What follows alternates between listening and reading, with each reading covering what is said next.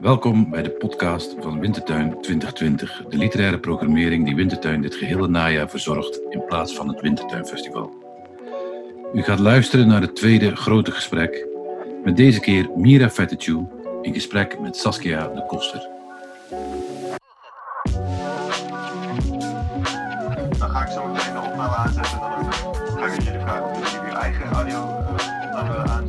Heb dat al gedaan. Tenminste dat. Ik doe niet. Heel goed met rust.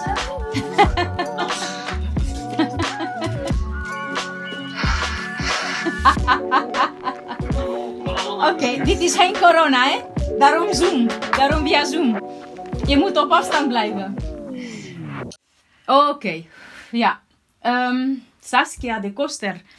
Eh, we hadden elkaar eh, in Nijmegen moeten ontmoeten vanavond. Maar eh, door de nieuwe coronarestricties moeten we ons tevreden stellen met een gesprek via Zoom. En, Waardoor? Ja, Ja, Eh. maar dat betekent niet dat ik minder blij of enthousiast ben om, om je te interviewen. nee, ik vind het ook eh, leuk. Er is gewoon een, een grote afstand te proberen te doen alsof die er niet is. Hè? Ja, precies. Alsof we En- gewoon naast ja. elkaar zitten of tegenover elkaar. En Ja, Met een immens publiek erbij. Een En- heel precies. geweldige En we praten over literatuur. Juist. Ja. Ja, dus eh, we zijn echt dicht bij elkaar. Eh, via Zoom. Oké, en eh, ik heb je boek gelezen, De Nachtouders.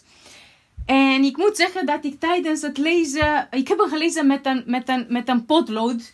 Ik heb, ik heb eh, bijna twintig vragen genoteerd tijdens het lezen. En eh, je, je boek ontroert inderdaad. Maar veel boeken ontroeren.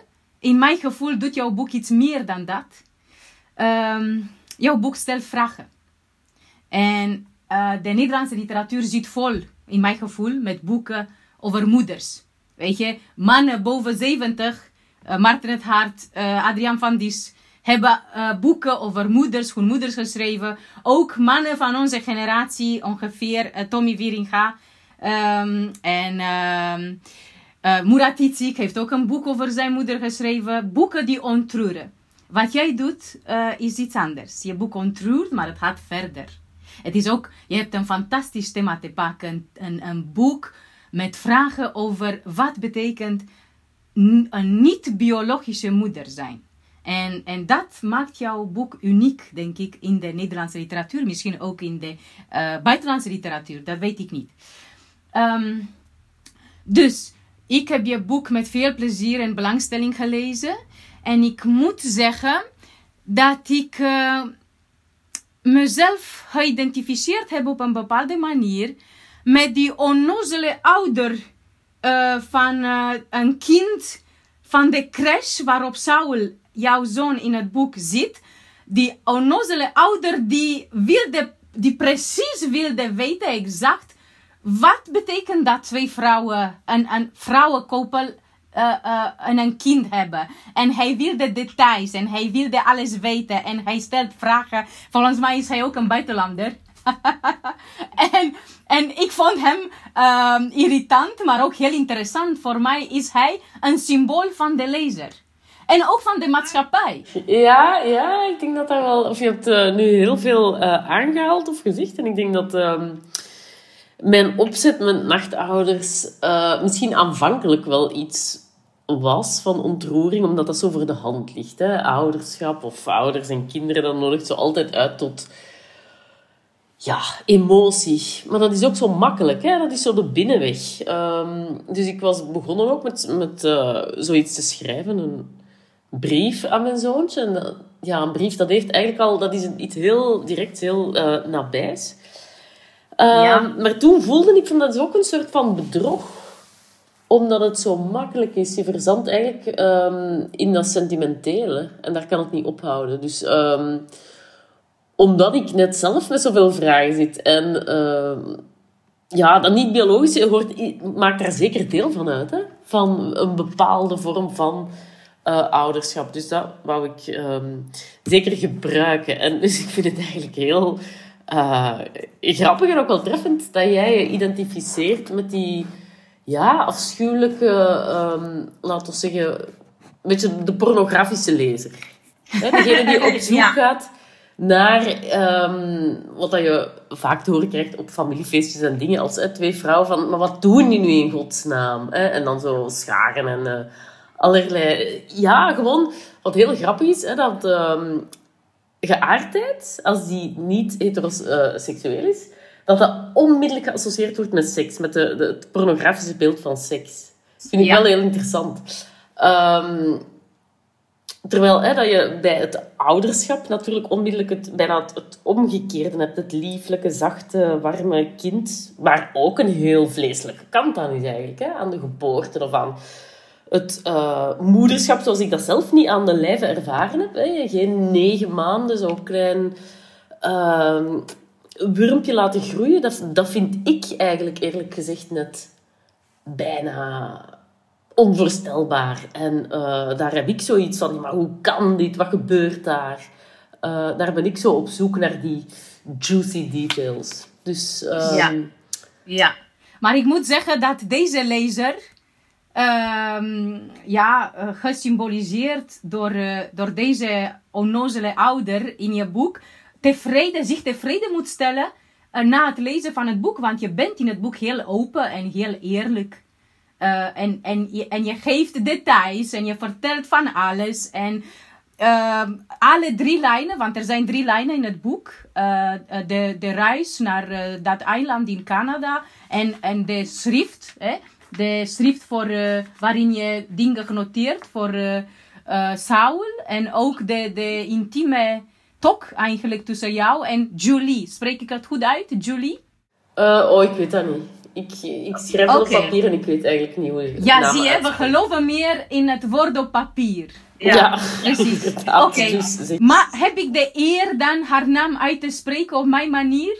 Krijg ik de eer? ja, doen gewoon. Hè. Iedereen zegt wat hij wil. Ja. Oké, dus Julie, dus eh, ook jullie een derde lijn, gaan we het zo zeggen, is eh, deze, de, de, de gesprekken die je met Julie hebt.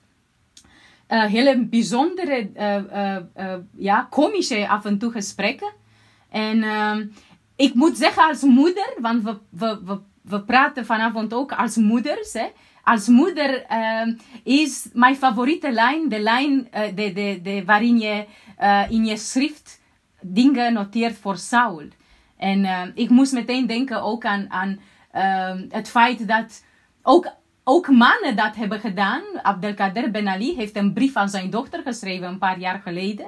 Dus als moeder eh, ben ik gevoeliger voor deze lijn. En ik vond het heel mooi. En ehm, het is voor Saul alle- alles wat je schrijft, maar het is ook voor ons, de lezers. Het is het heel gevoelig, heel mooi, heel, heel genuanceerd. En je geeft ons veel hoop, eigenlijk. Het komt goed, eh, eh, moet de lezer denken als hij de schrift leest, apart. We gaan kijken of het inderdaad goed komt. Ehm, Ja, dat weet Ja. Ehm, maar die schriften zijn eigenlijk een, een, een soort ehm, terugblik van mezelf. Of van dan het personage dat eh, Saskia heet. Heel toevallig. Maar, je waar ik eh, nu van zeg van ik. Omdat dat uiteindelijk toch wel een, een versie van eh, mezelf op papier dan is. Ehm, maar in, in, in die schriften heb ik wel ehm, gemerkt of ontdekt dat het nodig is en onontkoombaar dat als je zelf een mama of een papa wordt, eh, of ik dacht, of iets anders, maar er is eigenlijk niks al. Ja, allee, ik bedoel, en allerlei mengvormen. Ehm, dat je dan altijd denkt dat je de toekomst tegemoet gaat. Hè? Want een kind is zo hoopgevend en is alles wat eh, kan veranderen. Het geeft heel veel mogelijkheden. Eh, maar tegelijkertijd is dat natuurlijk ook... Komt daar een soort frictie van, ja, hoe ga ik dat nu aanpakken? Nu zit ik in die rol van degene die het voor het zeggen heeft en die actief iets gaat maken eigenlijk, hè? Een kind Ja. toch op een of andere manier gaat kneden. En dan kom je natuurlijk terecht bij ehm, ja, je eigen verleden. Of wat je zelf hebt meegemaakt. Hè? En dat heb ik in die schriften dan, dat onvermijdelijke, eh, proberen neerschrijven. Van ja, wat voor soort kind was ik zelf? Of hoe heb ik eh, zelf het ouderschap beleefd, maar dan als klein, klein eh, kind en als ja, iemand die, die opgroeit en in een totaal andere setting. Het is een confrontatie met je verleden, inderdaad, maar het is ook een hoop omdat het een kind een nieuw lichaam is. En het is, het is, een kind is niet jezelf, een kind is een nieuw corpus, een lichaam en een, een nieuwe hoop eigenlijk. En dat maakt het ook heel mooi, tenminste voor de lezer. Heel, heel mooi en hoopvol. Ja, en ik denk dat er iets ja, ongelooflijk hoopvols aan is. Hè? Of dat dat het enige is wat, wat wij als menselijk ras gewoon tegen beter weten in doen. Kinderen eh, op de wereld zetten. Terwijl de wereld het eigenlijk bijna begeeft onder allerlei, ja, weet ik veel, klimaattoestanden en het onnoembare C-woord. En alleen we zien ze van, oh, het gaat eigenlijk echt niet goed. En dat is een... Ja, mensen hebben zich daar nooit door laten tegenhouden, eigenlijk. Wat iets Nee. wonderlijks is.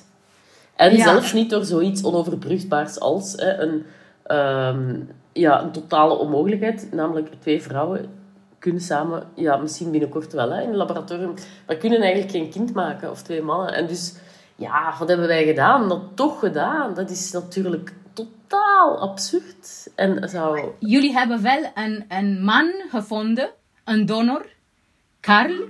Een man, een kunstenaar uit Canada. En de moeder van Julie noemt hem een crème van een man. Dat vond ik heel mooi gezegd. Een Ja, crème is- van een man, ja, zo een... Ja, dat is heel Vlaams, hè. Zo'n crème van een man. Een koffiekoek. Nee, allee, dat is echt heel... eh, ja. Ja, een crème de la crème. Voilà. Ja, het hoogste compliment. Als je in dat soort eh patisserie-termen zit. Dan ben je echt heel goed. Heb je het gemaakt. Ja, maar Saskia, eh, tijdens het boek dacht ik aan wat ehm, een Nobelprijswinnares, Elfriede Jelinek, ooit gezegd heeft. Zij heeft gezegd dat, als ik me goed herinner, dat zij persoonlijk geen vrouw kende die kinderen had en ook een belangwekkend oeuvre. Ja, maar Jelinek is natuurlijk een totaal vervelend kreng van de oude stempel. Zonder kinderen. Zonder kinderen? Wij zijn moeder Dolorosa. Zij weet niet wat dat betekent. Weet je, melk en tranen. Zij heeft En zo zij, fantastisch, zonder kinderen? fantastische boeken wel geschreven, ook over kinderen. Hè? Zo dat heel gruwelijk van de... Ja. ehm, Ja, precies.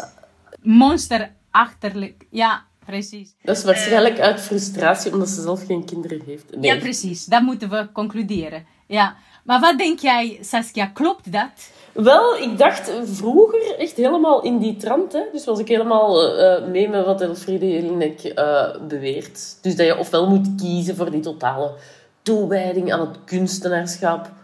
Of je hebt het moederschap en ja, dan ben je verloren. Hè? Dan is het om zeep. Dan kan je eigenlijk ehm, beter met alles stoppen in je leven. Ik denk dat dat een, een totaal ehm, oude gedachte is die heel lang heeft stand gehouden en waar dan nu zo'n beetje aan gemorreld wordt. Gelukkig. Want ik moet toegeven dat ik daar dus zelf ook eh, aanhanger van was. Hè? Dat ik vandaar ook een, een heel grote worsteling had. Ik wist altijd van, ik ga eh, zelf niet zwanger zijn. Ik wil geen kind in mijn lichaam eh, doen groeien en zo. Dat is denk ik niet gezond voor dat kind. Of ja, ik gewoon geen enkel lichamelijk verlangen daarnaar. Of niet zo, hè.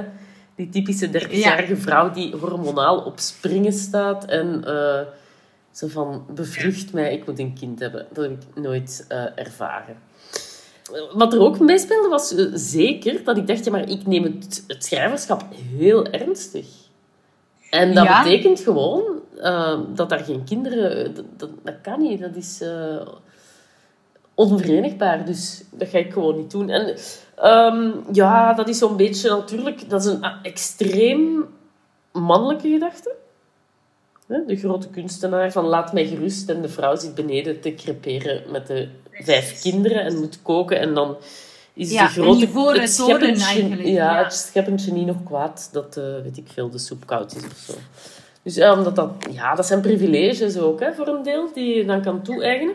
Waarvan ik denk van... ehm, ja, ik weet het niet of daar dan zo, zo betere kunst door gemaakt is.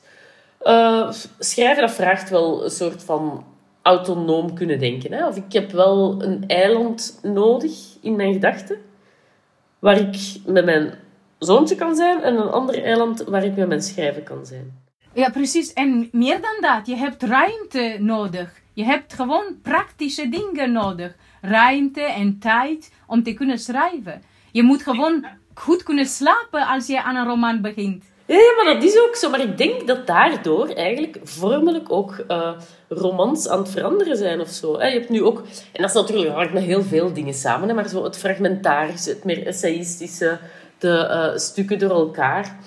Dat zie je bij veel eh, relatief jonge vrouwelijke schrijvers. En dat heeft voor een deel, denk ik, ook daarmee te maken. Dat die tijdsindeling anders zit. Dus ik vind dat een heel ehm, ja, verfrissend iets, hè, dat daardoor want het klopt wel, hè? Je, kan, je, kan, eh, je moet echt de dingen veel meer afbakenen. Of je moet... Ja, ja. Saskia, als ik het goed heb, heb je volgens mij in 2016 een essay geschreven in Das Magazine over eh, een vraag die je gesteld werd op een feest. Eh, waarom wil je geen kinderen?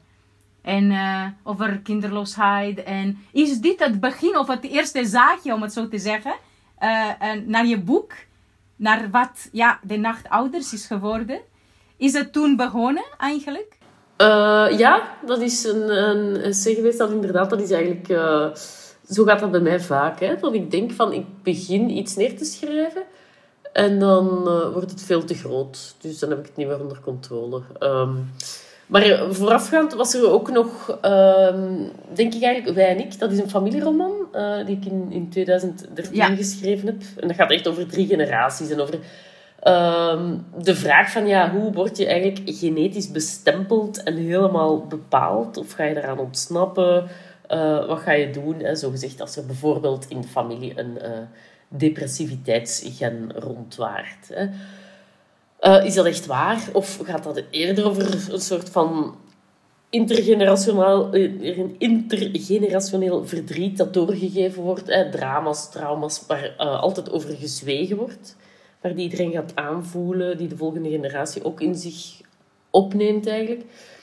Ehm, dus daar was ik toen wel al echt mee bezig. Dus bij mij is het vaak zo dat mijn schrijven voorafgaat aan mijn leven. Dus dat het niet omgekeerd is. Ik ga niet mijn ervaringen bijna verwerken. Of je zou kunnen zeggen van... Dat, ja, dat ik dus bijna al anticipeer zonder, het, ehm, zonder dat heel bewust te doen. Hè. Mag ik zeggen dan dat het klinkt alsof je meer leeft in je boeken dan in het echt? Als je dat zo zegt, klinkt het alsof het leven, je volle leven in het boek zit. Nee, het volle leven is voor mij meer een soort van... Ik, ik zou heel graag een dier zijn. Dat dus niet... Dat gewoon leeft. Geen cavia of, of weet ik veel. Ja, zo'n heel saaie schildpad die gewoon 200 jaar onder een berg bladeren blijft zitten of zo. Nee, dan wil ik natuurlijk wel een, ehm, ja, een albatros of zo zijn. Dat is vooral omdat mijn zoontje dat tegenwoordig ook altijd Oké, oké, Waardoor ik dat opnieuw herdenk en denk van, oh ja... Ja, je zegt albatros, maar albatros is wel het symbool van de schrijver bij Baudelaire bij, bijvoorbeeld. Zie, Het dus dat bedoel ik. Het- Ik werd er altijd naar terug. Dus je zit altijd geketend er toch ergens aan. Ja, Ja, precies. en En, dat het- is- het albatros bij Baudelaire kan alleen maar vliegen en kan hij niet op grond eh, Want dan, is lopen. hij, nee, dan wordt hij gevangen hè, door de eh, schippers.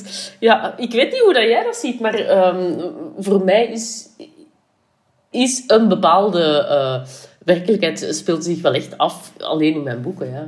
Allee, of is dat de plek waar, waar het echt kan bestaan? Ja, bij mij krijgt de werkelijkheid betekenis in mijn boeken. Anders is het absurd. Anders kan ik het absurdisme van het leven niet aan. Dus als ik een betekenis geef aan de werkelijkheid in mijn boeken, dan kan ik het accepteren en kan ik doorgaan.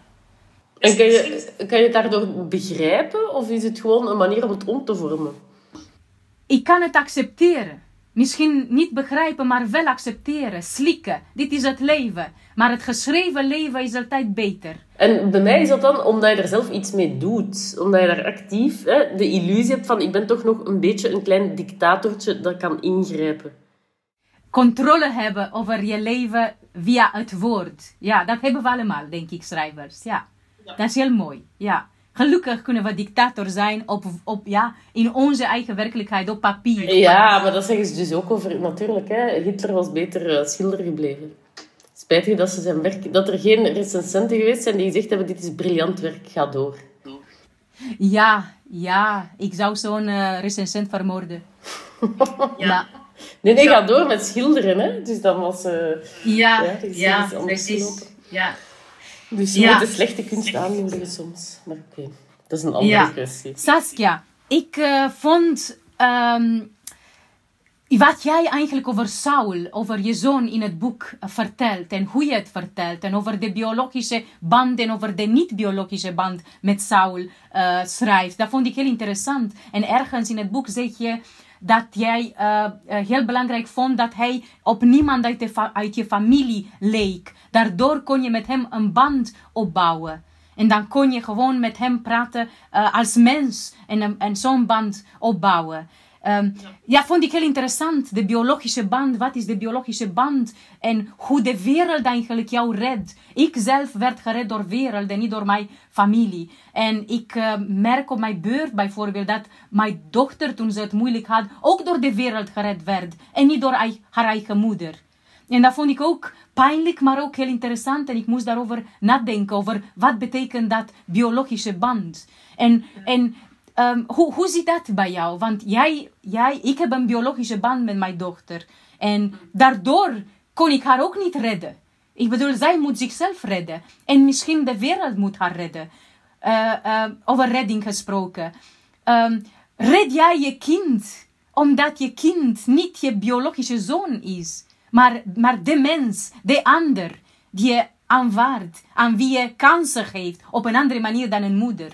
Ja, dat is een heel, dat is een heel mooie vraag. Dat is wel een ehm, ingewikkelde vraag, omdat ik denk ook dat we nu in het kader van, van tolerantie en zo, hè, dat er heel vaak gedaan wordt van we zijn allemaal gelijk als ouders, hè, want we doen allemaal ons best en we kunnen allemaal mislukken en we twijfelen allemaal wel eens, maar we zijn eigenlijk deep down eh, dezelfde. Maar dat klopt natuurlijk niet helemaal. Dus ik vind dat wel ehm, ja, goed dat je daar zo op ingaat, hè, op het niet-biologische ehm, en het biologische, waarbij die keuze voor mij inderdaad heel duidelijk was van ik heb geen eh, behoefte om mijn genen door te geven. Ik wil geen ehm, spiegel van mezelf of geen mini-me of wat dan ook. Ja. Ehm, en voor mij heeft dat iets bevrijdends. En zou je bijna kunnen zeggen van... Het is natuurlijk een tweesnijdend zwaard, hè, maar ik ben een beetje verlost van die last om om te gaan met mijn eigen voorgangers. Hè, mijn mijn eh, ouders en voorouders en zo. Dat is een, een tak die afgesneden is. Maar ik, ik ben wel eh, mama van een zoontje, dus dat is wel een, een, een ongelooflijk privilege. Maar natuurlijk, ja, is biologisch niet van mij, waardoor ik echt het gevoel heb dat je iets ophoudt vanaf een soort nulpunt. Er is natuurlijk nooit een totaal nulpunt, maar het is wel, zoals jij zegt, van... eh, op de dag van zijn geboorte wist ik van, kijk, dit is een ehm, creatuurtje. Alleen, een woord creatuurtje is al zo, ja, redelijk veelzeggend. Maar dat je zo weet vanaf het begin... ja, maar het is heel mooi gezegd. Italianen noemen hun baby's creatura. Hè? Ah, Dus- zie je, ja. Dus, ja. Dus vanaf nu begint het. Vanaf dag nul gaan we nu beginnen om samen iets op te bouwen, een band. En we gaan het proberen om, om ja, een soort van vislijn uit te werpen. En hij kan die teruggooien, maar eigenlijk probeer ik hem altijd eh, wel bij mij te houden. Want het is iets anders dan gewoon... Dat, ja, dat is geen, geen, geen stuk van mijn lichaam. Dus ik denk dat dat een, een, een misschien speelruimte geeft. Ja, geen stuk van je lichaam, geen stuk van je pijn, geen stuk van je trauma's. Mag ik als biologische moeder zeggen dat ik jaloers op jou ben? Niet biologische moeder? En dan, dan moet ik natuurlijk zeggen van, ja, maar... ja, maar nee, ik begrijp het. Ik vind dat ook een, een heel eh, relevante gespreksonderwerp. Omdat dat inderdaad zo is, hè, dat je daar iets eh stopzet en je begint gewoon op een ander spoor. En nu is het wel, maar die druk is dan wel groot. En waardoor dat je denk ik soms neiging hebt tot overcompenseren. Van ja, maar nu ben ik dus die, degene die dan ongelooflijk cadeau gekregen heeft van dat creatuurtje. Dus ik moet dat nu ook wel echt goed gaan doen en hem bewijzen. dat ik dat wel kan. En dat was bij mij, eh, zeker in het begin, een totale onzekerheid. Omdat ik mezelf een beetje ook heb laten aanpraten, ook van, vanuit mijn kindertijd en zo, van ja, maar ja, het ouderschap dat is biologisch. En als dat niet zo is, dan gaat het, eh, dan gaat het mislukken hoor. En dan wordt dat eh, een soort eh, self-fulfilling prophecy. Hè?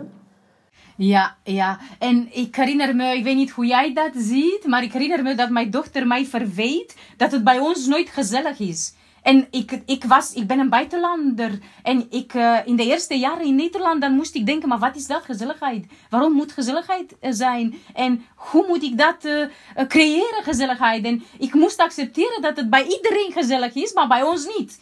en, en dat mijn dochter graag bij de gezellige mensen wilde zijn en niet bij de ongezellige biologische ouders. En dat was ook iets wat ik moest slikken. Weet je? En wat ik jou wil vragen is het, is, is het volgende. Geloof je in zo'n plaatje moeder, vader, hond, oma, opa en gezelligheid? Maar dat is een heel, heel, heel eh, Nederlandse invulling die je nu geeft. Want als je in Vlaanderen zou rondgaan hier in de straten en vragen van... Is het gezellig? Dan zouden mensen kijken van... Huh? Wat lief? Gezellig? Waarom? Dus, Ja. eh, maar wat dat je wel eh, aanhaalt, wat denk ik wel heel treffend is, is je wilt natuurlijk altijd weg uit het nest waar je uitkomt.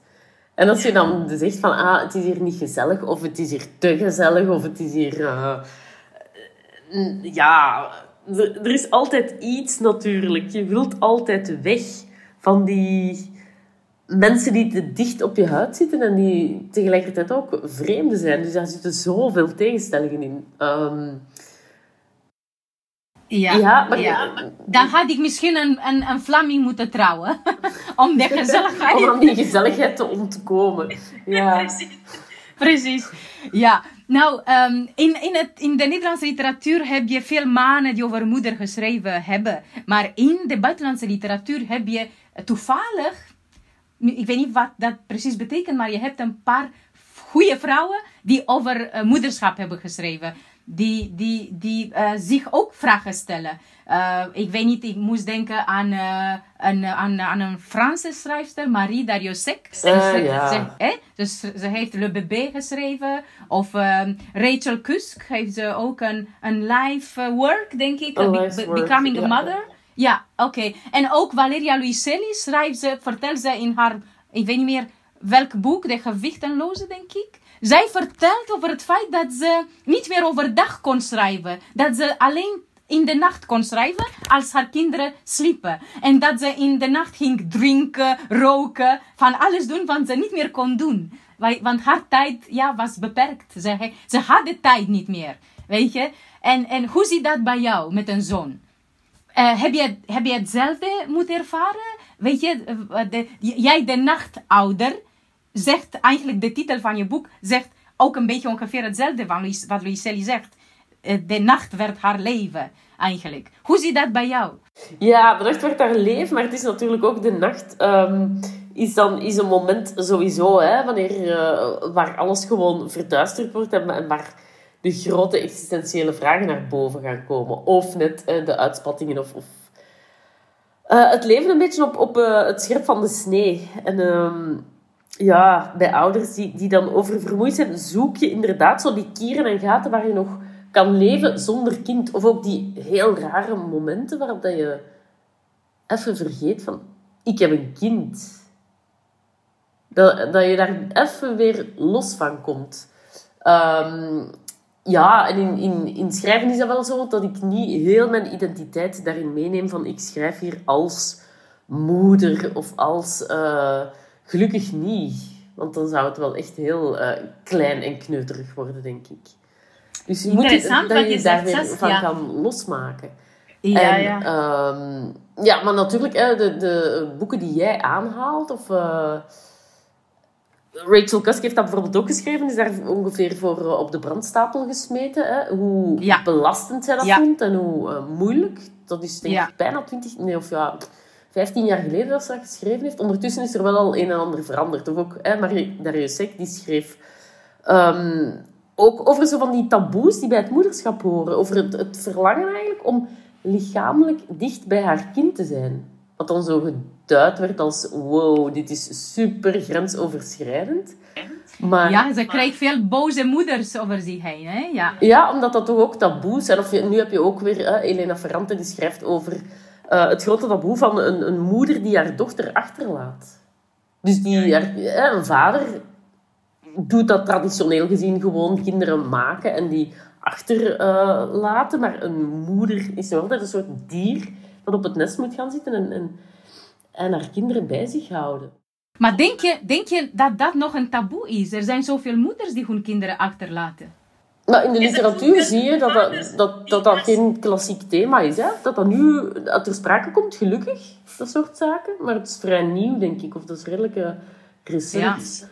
En dan maken ze van de vaders eh, een, een held, hè? helden. Helden die voor de kinderen zorgen. En ja, en die, die, die heel gewild zijn eigenlijk door, eh, door die boze moeders Ja, maar het is interessant dat je ook ziet dat die emotionaliteit ook ehm, dus in de literatuur nu binnensluipt bij mannen, hè, die ook kinderboeken, eh, ik bedoel, hè, boeken over het vaderschap gaan schrijven.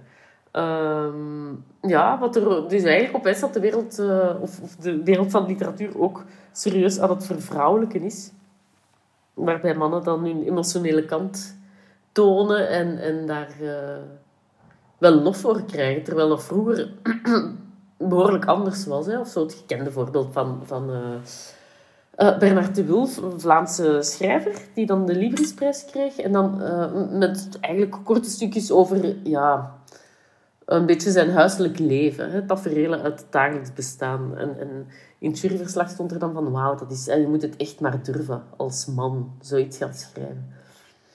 Ik denk dat, dat, dat het juryverslag er anno 2020 dat het niet meer zo zou zijn. Of ja, Ja. zou echt Ja. bakken kritiek krijgen. Ja, maar Saskia, wilde jij niet hetzelfde met je boek Taboes doorbreken? Eh, ja, ik wilde wel iets aanhalen. Dat, niet alleen mijn nachtouders, maar ik denk dat dat bijna het enige is waarom je schrijft natuurlijk om dingen te gaan ehm, tegen het licht houden. En niet iets wat al een miljoen keer eh, gezegd is. En dat betekent niet dat alles chockerend of totaal onthullend of zo moet zijn, maar wel, eh, ja... En bij kwam dat zeker vanuit de persoonlijke, allee, of innerlijke drang van ja, waarom wordt er zo, zo raar gedaan over het niet-biologisch ouderschap ook? Of wat is dat eigenlijk ook? En wa- waarin zit dan de kern van een band tussen een ouder en een kind? Ja, Wat is het dan? Precies. En die kern, ja, ehm, wat denk jij dat die is? Ja, ja. Saskia, je, je vertelde over twee eilanden in je hoofd. Dat vond ik heel... Het is een heel mooi beeld, heel interessant. Ik wil terug naar dat beeld in je hoofd. Je hebt twee eilanden. Eén waarin de schrijver zit, één waarin de moeder zit. Denk je dat schrijven helpt om, om beter te begrijpen wat moeder is? Of wat een moeder is? Of, of wat een schrijver is?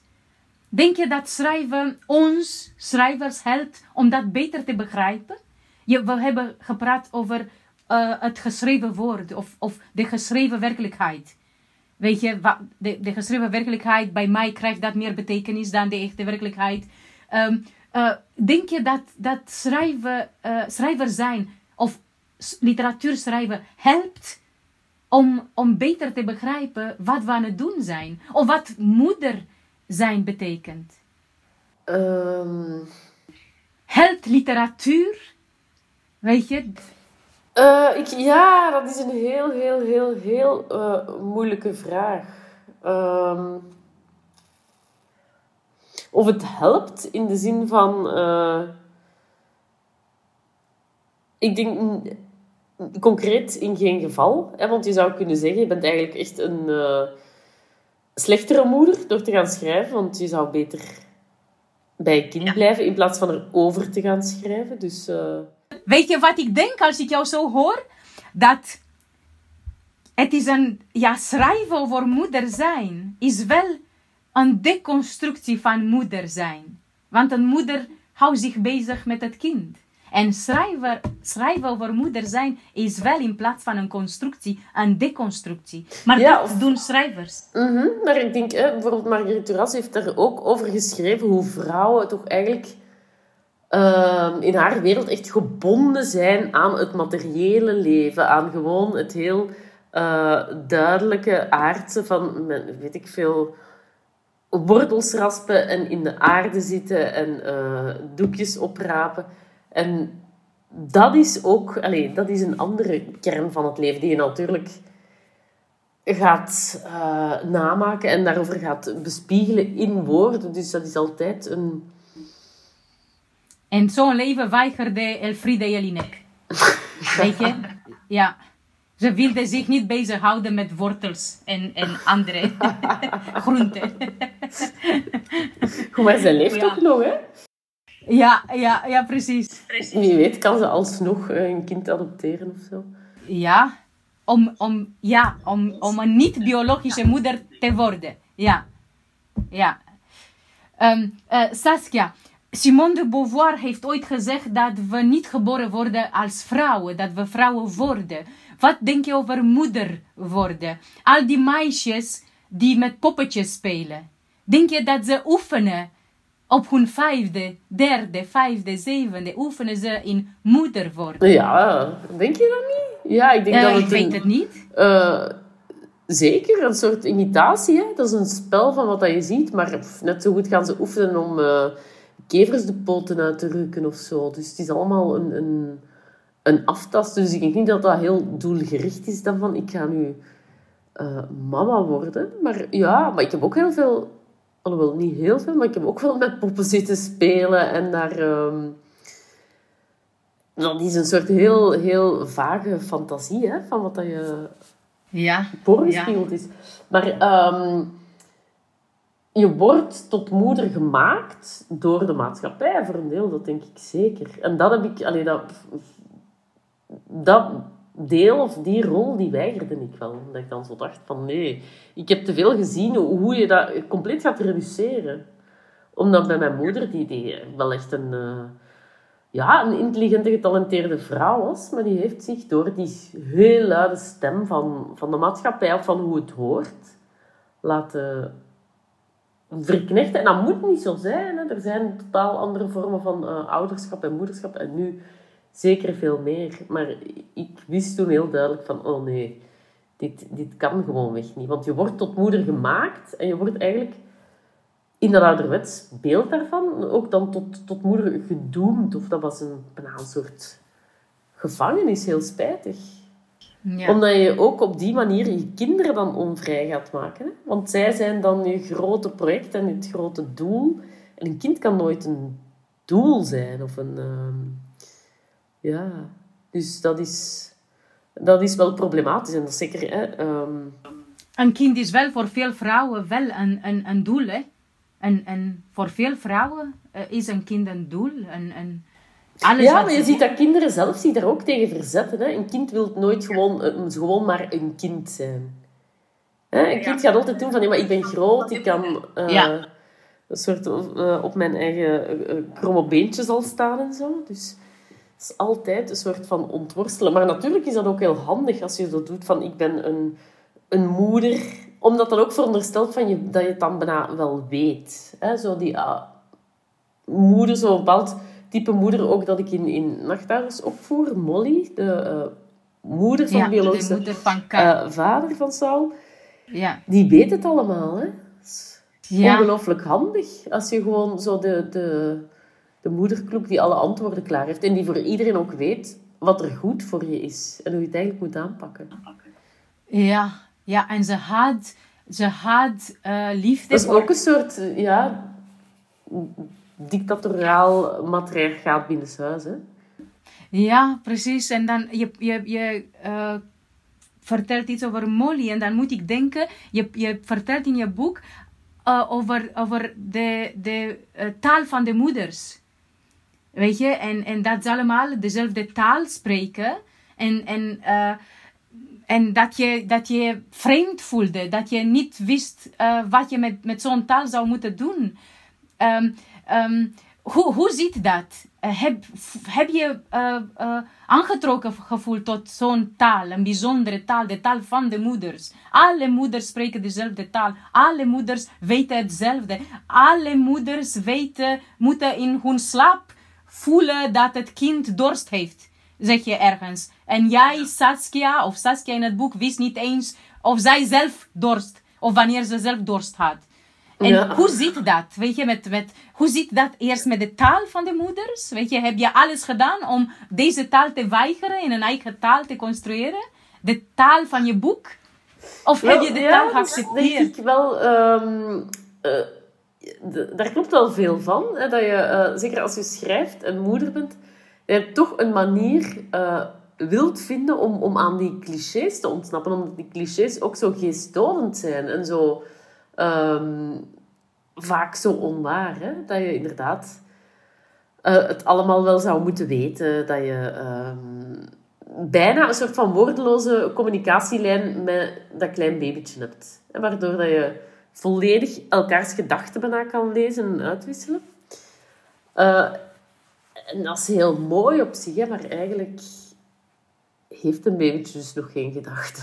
Dus is dat, is dat al onmogelijk. Eh, en is dat ook allemaal een wensdroom. En een mooie droom, hè, maar ook heel... Ja. ehm, ja, gewoon, eh, die, die taal is iets waar, wat dat je toch zelf tot leven wilt wekken. Hè? Of je hebt zo het cliché van wat dat je bij echt iedere jonge ouder die denkt van, oh, nu begint mijn kind te praten of begint, weet ik veel, eh, met lepels op eieren te slaan en zo. Dat moet ik vastleggen. Ik ga dat moeten eh, opschrijven. Hè? Dus we hebben een schrift nodig waarin Ja. we dat allemaal gaan opschrijven. Maar natuurlijk is er het echte leven en dat doorkruist dat volledig. En niemand schrijft dat op. Ik denk echt niet dat er iemand dat ooit volgehouden heeft om van zijn kind alles te gaan eh, fixeren in woorden. Dus wat je als schrijver ook niet wilt, is dat soort volledigheid. Hè? Je wilt niet alles gaan catalogiseren of... ehm, dus wat je eruit haalt en uitfiltert, ehm, dat wordt dan het verhaal eigenlijk. Of dat wordt een beetje het, het, het leven. En natuurlijk, en dat vond ik zelf wel... ehm, ja, dat je terug... Je wordt teruggeworpen in ook een soort eh, taal die je eh, bijna niet wilt gebruiken. Hè? Of zo de typische verkleinwoordjes en al die dingen. Ja, diminutieve. eh, Ja. Ja. precies. Maar is het jou gelukt om deze taal te weigeren? Of, of, of heb je toch een, een... Praat je toch als een moeder? Je hebt een zoon. Ik, ik kan me niet voorstellen dat je geen komkommertje zegt. Of eh, worteltje. Of eh, weet ik veel. andere klein woordjes. Nee, natuurlijk. En je ziet ook... Wel ja, maar wat je eigenlijk doet, is op een beetje op je knieën gaan zitten. En Ja. mee op de ooghoogte en het niveau van je kind proberen kijken. Hè? Ja. Waardoor dat je onder een tafel kan wandelen en zo. Maar dat vind ik dus heel leuk. Dat, dat, dat je zo, maar ook in het schrijven, dat je terug op die manier gaat kijken en terug, terug gaat ontdekken of eh, hoe dat dan in elkaar zit. Dus ehm, ja, in woorden en in verkleinwoorden, zo, ik geef me daar dan ook aan over. En dan denk ik van, oké, ik ben ook wel deel van die totaal... secte. Van die, ja, van die groep. Ehm, en ik kan daar ook uitstappen. Aha. Je hebt een deurtje bewaard. Je Ja. hebt een deur naar de echte wereld. naar de wereld van de schrijver. Naar, naar het andere eiland in jouw hoofd. Ja, Ja. en, ook, en ook wel naar het echte leven van, eh, weet ik veel, aan een schoolpoort staan en ehm, verjaardagsfeestjes en zo, waarbij dat je... Ja, da- daar zit heel veel ehm, groepselement in ook, hè. Of heel veel waarbij je ziet van... Natuurlijk, hè, als je van zo'n feestje 50 foto's krijgt, je gaat alleen kijken naar de foto's. Waar staat mijn kind op? Stel je voor dat je je kind niet terug kunt vinden op een foto, op een schoolfoto. Wat voor moeder ben je? Wel ja, je dus je denkt, mijn kind is het exclusieve, is het enige. En tegelijkertijd zijn er momenten waarop dat je ergens staat. Op een schoolplein of zo. En je hoort iemand roepen mama. En je kijkt, oh, zou het mijn kind zijn? En het is niet zo. Precies, precies. Dus- Ja, maar je bent mama voor alle kinderen van de wereld als er één roept mama. Ja, Ja. Dat, dat, dat begrijp ik heel goed. Jouw, ja, de moeder van Saskia zegt in het boek... Als moeder begin je eh, of ben je een dienstmeid zonder vaste uren. Eigenlijk. Heb ik heel En- vaak gehoord. Ja. Ja, ja, ja. En, en, en denk je dat dat klopt? Denk je dat Nee, want ik heb wel vaste uren. Nee, ik, eh, nee, of zo wil ik niet naar het eh, moederschap kijken eigenlijk. Omdat ik dat helemaal niet zo zie als, eh, alsof dat je een of andere Amazon-medewerker bent die, die uitgebuit wordt en die eigenlijk boven zijn mogelijkheden moet presteren en dan ook nog eens voor targets gaan. En, nee, zo zie ik dat niet. En ik denk dat je ook, of dat dat net is wat dat je kan doen, een soort van eerlijkheid aan de dag leggen. Een kind is... Dus ook een kind als mens aanspreken en zeggen van, kijk, ik ben ook moe. Het gaat niet of ik dit of dat. Ja, ja, Ehm, ja. ja. dus nee, Ja. ik, zie, ik zie dat echt wel anders. Of zo van, eh, het is hier geen hotel en zo. Ik wil dat waarschijnlijk in de toekomst ook nog gaan zeggen, maar dan wel goed weten van... Het is ook oké dat... Allee, Martin Buber en, en zo hebben dat ook gezegd. Hè. Op sommige punten moet een kind zijn moeder als een object beschouwen. Of je raakt er nooit uit. Je raakt nooit uit heel dat kluwen van wat is familie, wat is ehm, een moeder en een kind. Je moet soms gewoon kunnen zeggen van... Ik beschouw het hier als een hotel en ik eh, schaam mij voor mijn ouders en ik ben weg. Ja, ja, ja, precies. Ja, ja. Ja, je zegt ook in het boek, ik weet niet of ik het correct citeer, maar zeg je tegen Saul, zodra je kunt lopen, kun je weg. Dat vond ik ook heel mooi.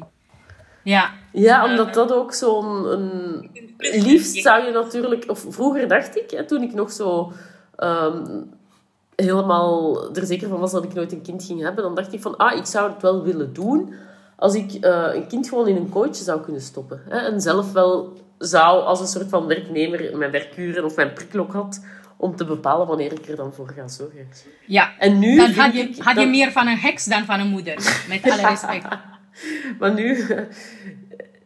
Nu denk ik van, nee, nee, nee, nee. Zeg mij maar... Of, of, eh, ja, ik laat mij overmeesteren ook. Door Ja, de grilligheid van, van, van, ja, van, een, van een kind. Of van, eh, en dat, waarbij ik nu ook denk van... Ik hoop dat dat ook binnenkomt in mijn schrijverschap. Of ik merk daar... ehm, ja, ja. Dat soort openingen. En ik bedoel dat niet echt letterlijk, hè, dat ik nu vanaf nu heel de tijd over mijn kind zou gaan schrijven of zo. Dus echt, zou ik verschrikkelijk vinden. Maar ehm, een minder verkrampte aanpak of zo. Ja, ja, ja. ja. Alle moeders schieten tekort. Ik kan dat in, in, in een zin, een resume van, van je boek, van de nacht ouder zijn. Dus elk, ieder ouder schiet tekort. Kunnen Ja, maar dat beseffen, denk ik, is het niet tekortschieten. Ja, Ehm, dus ja, je... eh, zo het ding van... van ehm, try, fail and fail better. ja, Nee, dat, Ja. er, dat daar ook, omdat dat ook, pff, kinderen zijn ook enorm genereus. En ik zie dat ook als een, een, een bijna, hè, een, wordt soms zo die, die vergelijking gemaakt natuurlijk. Je maakt een eh, boek, een geesteskind of een echt kind. Maar ehm, bij een boek werk je ergens naartoe. Hè? Dan heb je het in je handen en het is af, zo gezegd. Maar het is natuurlijk nooit echt volledig af. Maar ehm, een, een leven is, heeft van totaal andere aard. Dus dat gaat... eh, je kan daar versies van maken. Hè? Of gewoon al ons geheugen maakt verschillende versies van ons eigen leven, maar ook van het leven van, van onze kinderen of zo. Ja. En daar zit ook eh, een soort van transformatieve kracht in, ja. denk ik. Eh, Tot het is ook zo dat, dat, dat je op een bepaalde manier altijd als schrijver controle hebt over je boek. Maar het kind, het echte kind, blijft een kind. Een kind bouwt een leven op waarop je geen controle kan hebben. Dus ja, Ja. je kunt geen dictator zijn over je eigen kind, maar wel over je eigen boek. Je weet wanneer je een komma of een punt of een uitroepteken moet zetten in het boek. Maar in het leven van je kind, op een gegeven moment kun je dat niet meer doen. Ja, al- ab- absoluut. En ik denk dat je dat eigenlijk... ehm, nooit echt kan doen. Je kan dat natuurlijk op een praktisch vlak doen. Hè? Dus eh, ik denk, ehm, als een kind klein is, is dat nog gemakkelijk om jezelf zo'n beetje die illusie te geven van oh, ik heb het hier wel onder controle en ik kan het wel aan. Ja. Ehm, eigenlijk, allee, ja, ik ben heel onpraktisch, dus dat is nu ook wel niet, niet echt waar hoor. maar Ja. eh, nee, zeker dat, dat je dat het altijd bij het proberen blijft. Dus dat het Ja. ouderschap, hè, of een eh, mama of een papa zijn, is zoiets aspirationeels. Dat is eigenlijk een soort droom die je najaagt. En je kan nooit zeggen... Ik bedoel, is er iemand die van zichzelf kan zeggen, zonder te liegen, van ik ben echt de perfecte eh, moeder of vader? Oh, dat, dat heb je ook. Zulke moeders heb je, met alle respect. Ja, ik denk... Ik, Ja? ik weet niet hoeveel vaders zeggen dat, maar er zijn wel moeders die zeggen... eh, of ja, misschien horen ze dat van hun kind. Ik heb geen idee. Maar die denken dat ze het perfect hebben gedaan. En dan heb je, heb je zo'n kind nodig dat jou altijd tegenspreekt. en dan word je een... Het, het, Ik denk dat dat echt een, ik denk dat dat een fictie is. Allee, eerlijk gezegd kan ik daar echt... Ja, het is een illusie, inderdaad. Het is een fictie. Maar ja, is een fictie. Maar ik hoor wel van, van ja, moeders die denken dat ze alles perfect hebben gedaan. En dan horen ze twintig jaar later dat de man een minares gaat. En het kind ook eh, eh, een trauma heeft gelopen. En eh, ik weet het niet. Maar Ja, ja, maar dus denk- dat bedoel ik. Het is, dat Ja. is maar één deeltje van het, het grote verhaal dan. Ja. Ja, maar ik denk wij allemaal, we, we falen. Gedesillusioneerde moeders zijn we allemaal. En ik weet niet wat voor impact dat op jou heeft gehad, moederschap. Maar, ehm, of, of huwelijk, of in een relatie zijn. Maar ik pakte het, ja, ik begon serieuzer te zijn in mijn schrijverschap. Toen ik, eh, toen ik begreep dat ik een te grote droom heb gemaakt van mijn huwelijk. Of te veel gevraagd heb van, van een man. Weet je, dan, dan, dan eh, begon ik, ik pakte het schrijverschap serieuzer aan. Door het feit dat ik geen illusie meer had. Dit is het, dit is de werkelijkheid, slecht. Mm. Eh, weet je, dat, ik had geen illusie meer. Ik werd, denk ik, een betere schrijver daardoor. ja, Dat, is, ja, dat ja. is hoopgevend. Ja, precies. Dan denk ik, ja, het klinkt misschien zo en misschien is het zo in mijn geval. Ja, ik, hoe slechter de moeder, hoe beter de schrijver. Ik weet niet hoe ik het moet zeggen. Wat- Nee. hoe, hoe zit dat bij jou? Wat voor impact heeft moeder zijn op je schrijverschap? Of heb je, heb je nog steeds eh, een tas vol illusies? Ja, ja ik ben echt... eh, ik, ik, ik wil altijd zo... Ik heb een soort van... van eh, vooruitgangsoptimisme dat heel vaak een gigantische deuken krijgt. Maar ik wil echt zo geloven met, eh, en opstaan met die mantra van... ehm, elke dag wordt het beter. Ook als je dood bent, elke dag zal het beter zijn. Oké. Ehm, en dat, dat heeft heel veel te maken ook met schrijven. Omdat ik dat niet zo ehm, los zie van, van, van het leven. En dus het, het is vervlochten, maar ik ga... Het is gewoon... Schrijven is een soort houvast, hè. Dus je kan zeggen van... ehm, ik ben gedesillusioneerd of ik... eh, ja, weet eigenlijk niet meer hoe ik de dingen moet aanpakken. Ehm, bij mij kan het tot op een bepaald punt zakken, maar als, ik echt, als het echt te, te ehm, slecht gaat, dan ga ik het ook niet meer kunnen schrijven. En dat is dan een reden wel om dat aan te gaan pakken. Of te denken van nee, nee, nee, nee, zo kan het niet in mijn leven. Natuurlijk hè, zijn er dingen waar dat je ook niks aan kan doen of die je niet in de hand hebt. Wil je, zeggen, wil je zeggen dat je niet kunt schrijven als, er, als je geen rust hebt of ruimte in je leven? Als niet alles op orde is? Ehm, goh, nee, want ik ben zo... Dat is echt een soort... ehm, er kan een, een totale rusteloosheid zijn, die net heel goed is, hè? die heel veel energie Ja. geeft. Ehm, maar als ik echt te, eh, te ongelukkig ben, dan, ga ik, eh, dan heb ik schrik dat ik echt slecht ga schrijven, dat dat zo'n beetje eh, een therapeutische rotzooi wordt. Daar Ja, ben ik, bang voor. ah, Dus ja, ik, dan, dan ik ga ik liever... Dan. Dan zal ik wel schrijven, maar dan, wil ik, eh, dan kies ik voor een soort escapistisch schrijven. Ja, ik schrijf, ik schrijf nooit aan een roman als ik als ik geen rust heb in het leven, maar ik schrijf wel poëzie. Als ik, als ik een drama meemaak. Ja. En ja, en ja, dan merk ik ook dat ik eh, minder geloof in de poëzie die ik geschreven heb en meer in de architectuur van een roman. Ja. architectuur van een roman vraagt eh, gezondheid van de schepper, van de architect. Gezondheid, rust. En ja, dat, dat, dat begrijp ik, dat ervaar ik ook. Ja, en daarin heb ik, eh, begrijp ik wat dat je zegt. En zou ik eigenlijk ook, ehm, denk ik, zoals, zoals de meeste mensen, hè, wat dat wij van nature doen, is heel veel mensen eh, gedichten gaan schrijven. Omdat dat zo een soort van totale vrije vorm is en zo. Ook lekker onbegrijpelijk. En, ehm, Vrij maar niemand wat je zegt. Dus dat is bijna een eh, kanaliseren van ja, wat dat jij noemt. Zo, hè, de desillusie of de totale crisis of Ja. zo. Ja. Dus ik doe eigenlijk niks liever als ik echt zou mogen eh, volledig kiezen. Ik zou continu poëzie schrijven. maar ik zou het wel niet lezen. Ja, ja, dat ja. Ik, ik lees heel weinig poëzie. Ik was nu net iets aan het lezen van Louise Gluck, de, ehm, Ja, de. Ja, Nobelprijswinnares. de Nobelprijswinnares. Ja, eigenlijk zeg je hetzelfde wat Platon gezegd heeft. Hè? Hij heeft de dichters weggestuurd. Eh, Dat is- ja, ja, ja.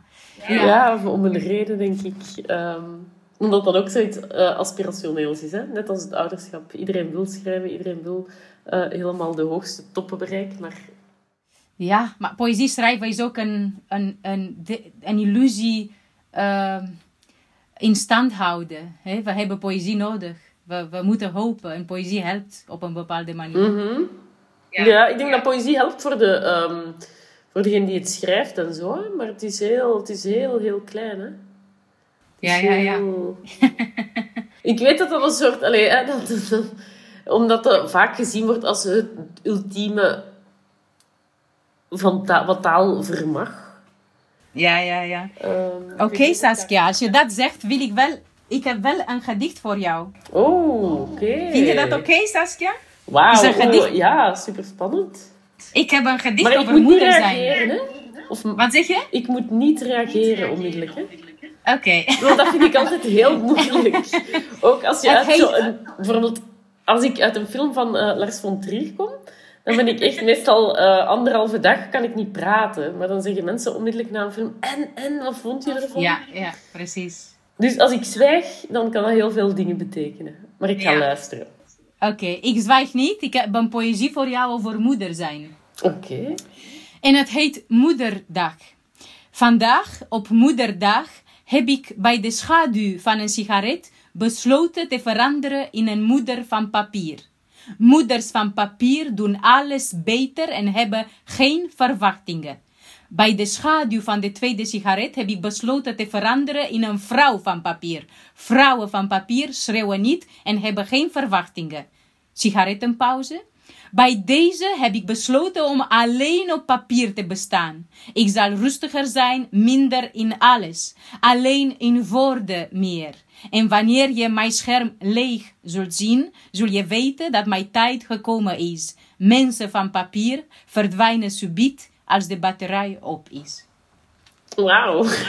Dit is speciaal voor jou, over moeder zijn. Ik hoop dat je andere gedichten of roman gaat schrijven met moederdag. Wauw. Of een, over moederdag. wat een eer. ik heb zin om een Dit is alleen omdat je over poëzie zo begon, hè?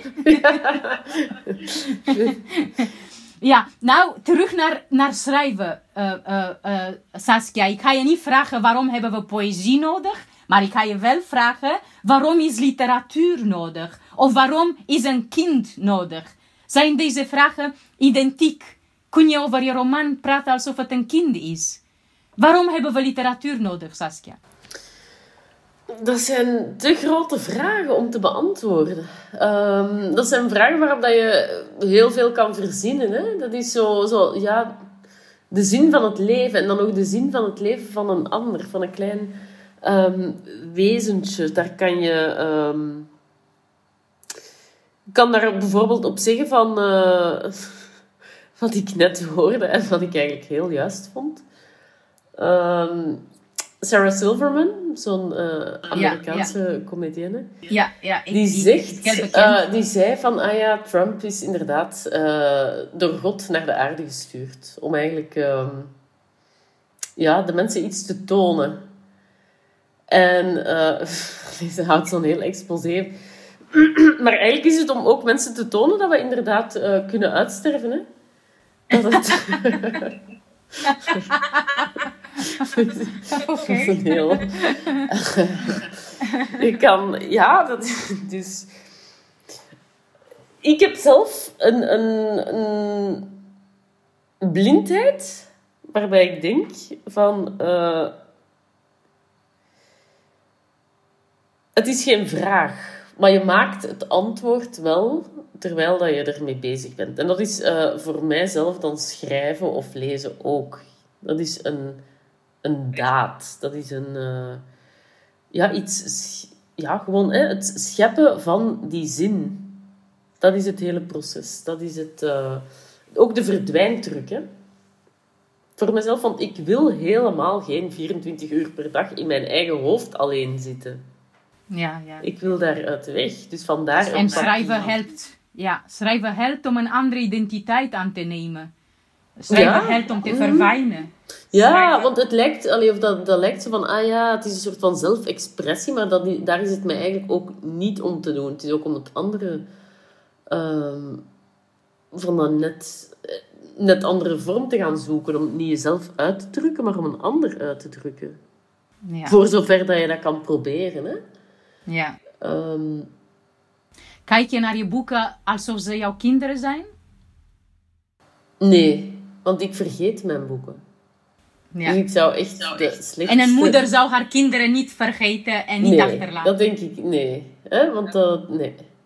Ehm, ik wil altijd... Ik zou dus als, als eh, boekenmoeder... Dus ben ik de slechtste moeder ooit, want ik wil altijd een ander en beter. Ik wil altijd opnieuw beginnen. Dus hè, alsof ik zo van... Nee, dit kind is niet mooi.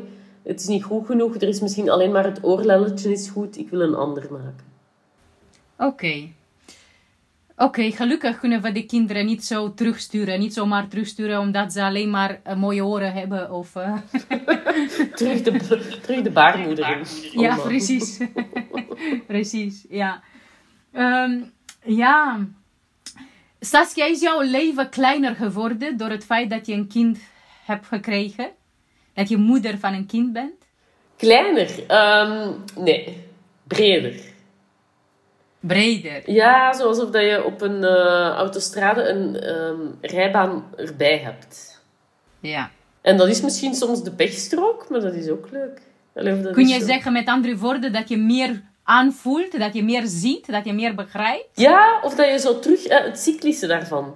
Dat, je, dat ik mij zo herinner van... Och ja, zo was het eigenlijk om als kind eh, in, in bad te zitten en te gaan nadenken. Of te gaan denken van... Ah, mijn knieën, dat zijn eilanden en die gaan onder water. En zo... Die herinneringen komen terug, maar op een totaal andere manier. Dus je herbeleeft het. En je ehm, begrijpt het voor een deeltje. En toch is het terug nieuw. Dus dat vind ik er het spannendste aan. Ja. Ja, ja. En Saskia, ik zou je wel willen vragen om iets voor te dragen uit je mooie boek. En ik heb zelf, als ik zelf mag kiezen, Zeker. je kan, eh, je kan zeggen dat je dat niet wil, dat je een ander eh, fragment wil voordragen, maar ik heb wel zelf gekozen voor het fragment eh, van pagina 111 over Karl. Heb je het boek bij je? Ja. ik heb het hier. Oké, ik vond het een heel grappig fragment. En ik denk dat we ook iets aan de vaders moeten geven. Niet alleen aan de moeders. Dan Heel lezen wij... Ja, dan lezen wij... Of lees jij eh, voor een fragment over Karl... Over eh, eh, Karl in het ziekenhuis. En wat hij gaat doen. Dat vond ik heel mooi. Begin jij waar jij wil. Bij pagina 110 of... Ja, want inderdaad, hè, dit gaat over de bijdrage van de biologische vader. Ehm, Ja. Misschien... We moeten aan de keizer geven wat aan de keizer hoort. Hè? Bij de keizer hoort. Dus... Ehm, dus, en wat, ze doen is, eh Karel die komt net overgevlogen ehm, uit Canada om zaad te gaan doneren. Dus ze hebben een afspraak voor een donatie. Ze gaan naar een gebouw, een soort van, lijkt een, een, eh, vergaderhal van de nazi's. En daar komen ze dan binnen. Wacht, hè. En dan zal ik lezen. Dus eh, aan de receptie wordt er gevraagd... Excuseer, meneer, mag ik het monster? De sample? I am the donor, zegt Karel. We dachten dat het zaad vers moest zijn, zegt Saskia bedremmeld. Nee, zo verloopt de procedure niet. Zaad moet binnen 12 uur na donatie bij ons binnengebracht worden. Ja, we brengen het binnen, vers, in hem. Ik dacht dat ik alles al had meegemaakt, wendt de ene zich tot de andere. De heilige drievuldigheid aan de hoogverheven balie pleegt druk overleg. Ik kom er speciaal voor uit Canada, probeert Karel moedig en gespannen, onzeker wat de nabije toekomst brengt en wat hij hun kan brengen. Vers overgevlogen, zegt Julie, net geland, klaar om het beste monster af te leveren. De drie schikgodinnen overleggen. Met een diepe zucht duikt een van de strenge tantes weg onder de balie, komt na wat gerommel weer tevoorschijn met een plastic potje ter grootte van een jampotje bij een ontbijtbuffet, plaatst het op de desk hoog boven hun hoofden. En eh, hoe krijgen we het monster nu in het potje? vraagt Karel met een vreemd koninklijk meervoud. Tja, gebruikelijk is het niet, maar dan zal het hier moeten gebeuren. Eh, waar zouden we dat kunnen doen? Ik bedoel, hij, waar, waar kan hij? Nogmaals komen de drie hoofden samen. Het toilet voor de schoonmakers oppert een van hen en zwuift vaag in de richting van een gang. Ze gaan op onderzoek uit. Alle deuren zijn op slot, behalve die van een bezemkast. Die deur kan niet op slot.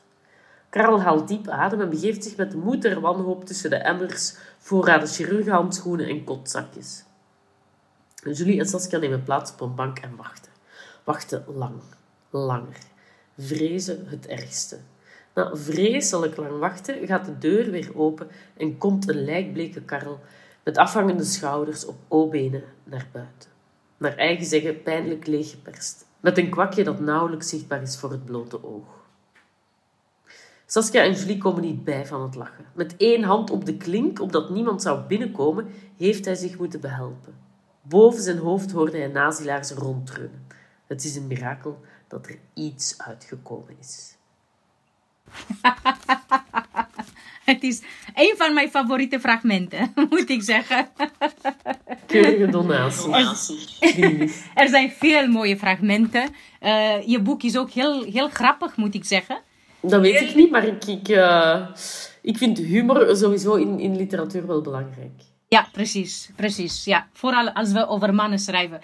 Ehm, ja, ehm, ik heb ook hele mooie zinnen uit, het, uit je boek gehaald. Weet je? Ehm, eh, en ik ga ze zelf voordragen. Je zegt ergens, ze wist niet hoeveel seconden ze haar kind alleen mocht laten. Of over Saul, Saul zeg je over hem een koningin, een koning met twee koninginnen. Dat vond ik ook heel mooi. Ehm, over Julie zeg je van de categorie niet categoriseerbaar. Dat is ook heel mooi gezegd. Dat zegt ook veel over de liefde die je voor Julie of Saskia voor Julie voelde. Ehm, tegen Saul zeg je in, in je script: Het is allemaal niet zo ernstig, dat spel dat we het leven noemen.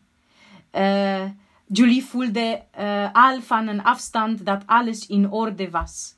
Uh, hele mooie zinnen. hele bijzondere, ontroerende zinnen, moet ik zeggen. En dan heb je ook veel poëzie in je boek. Um, en ook het eind vond ik fantastisch. Het is een eind, ik, uh, ik, uh, het is ook um, niet alleen voor Saul geschreven in mijn gevoel, maar voor ons allemaal, ook voor de lezer, voor, voor, voor iedereen.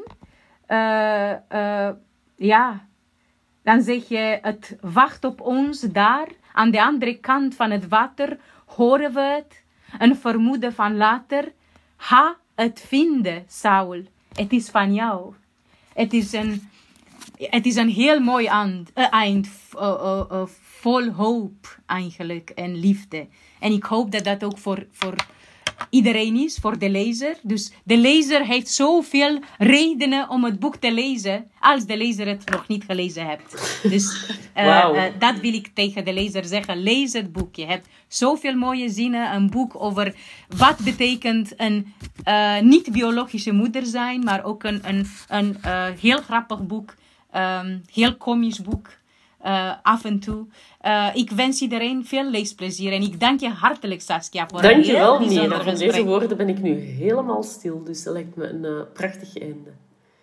Dankjewel. Ik dank jou.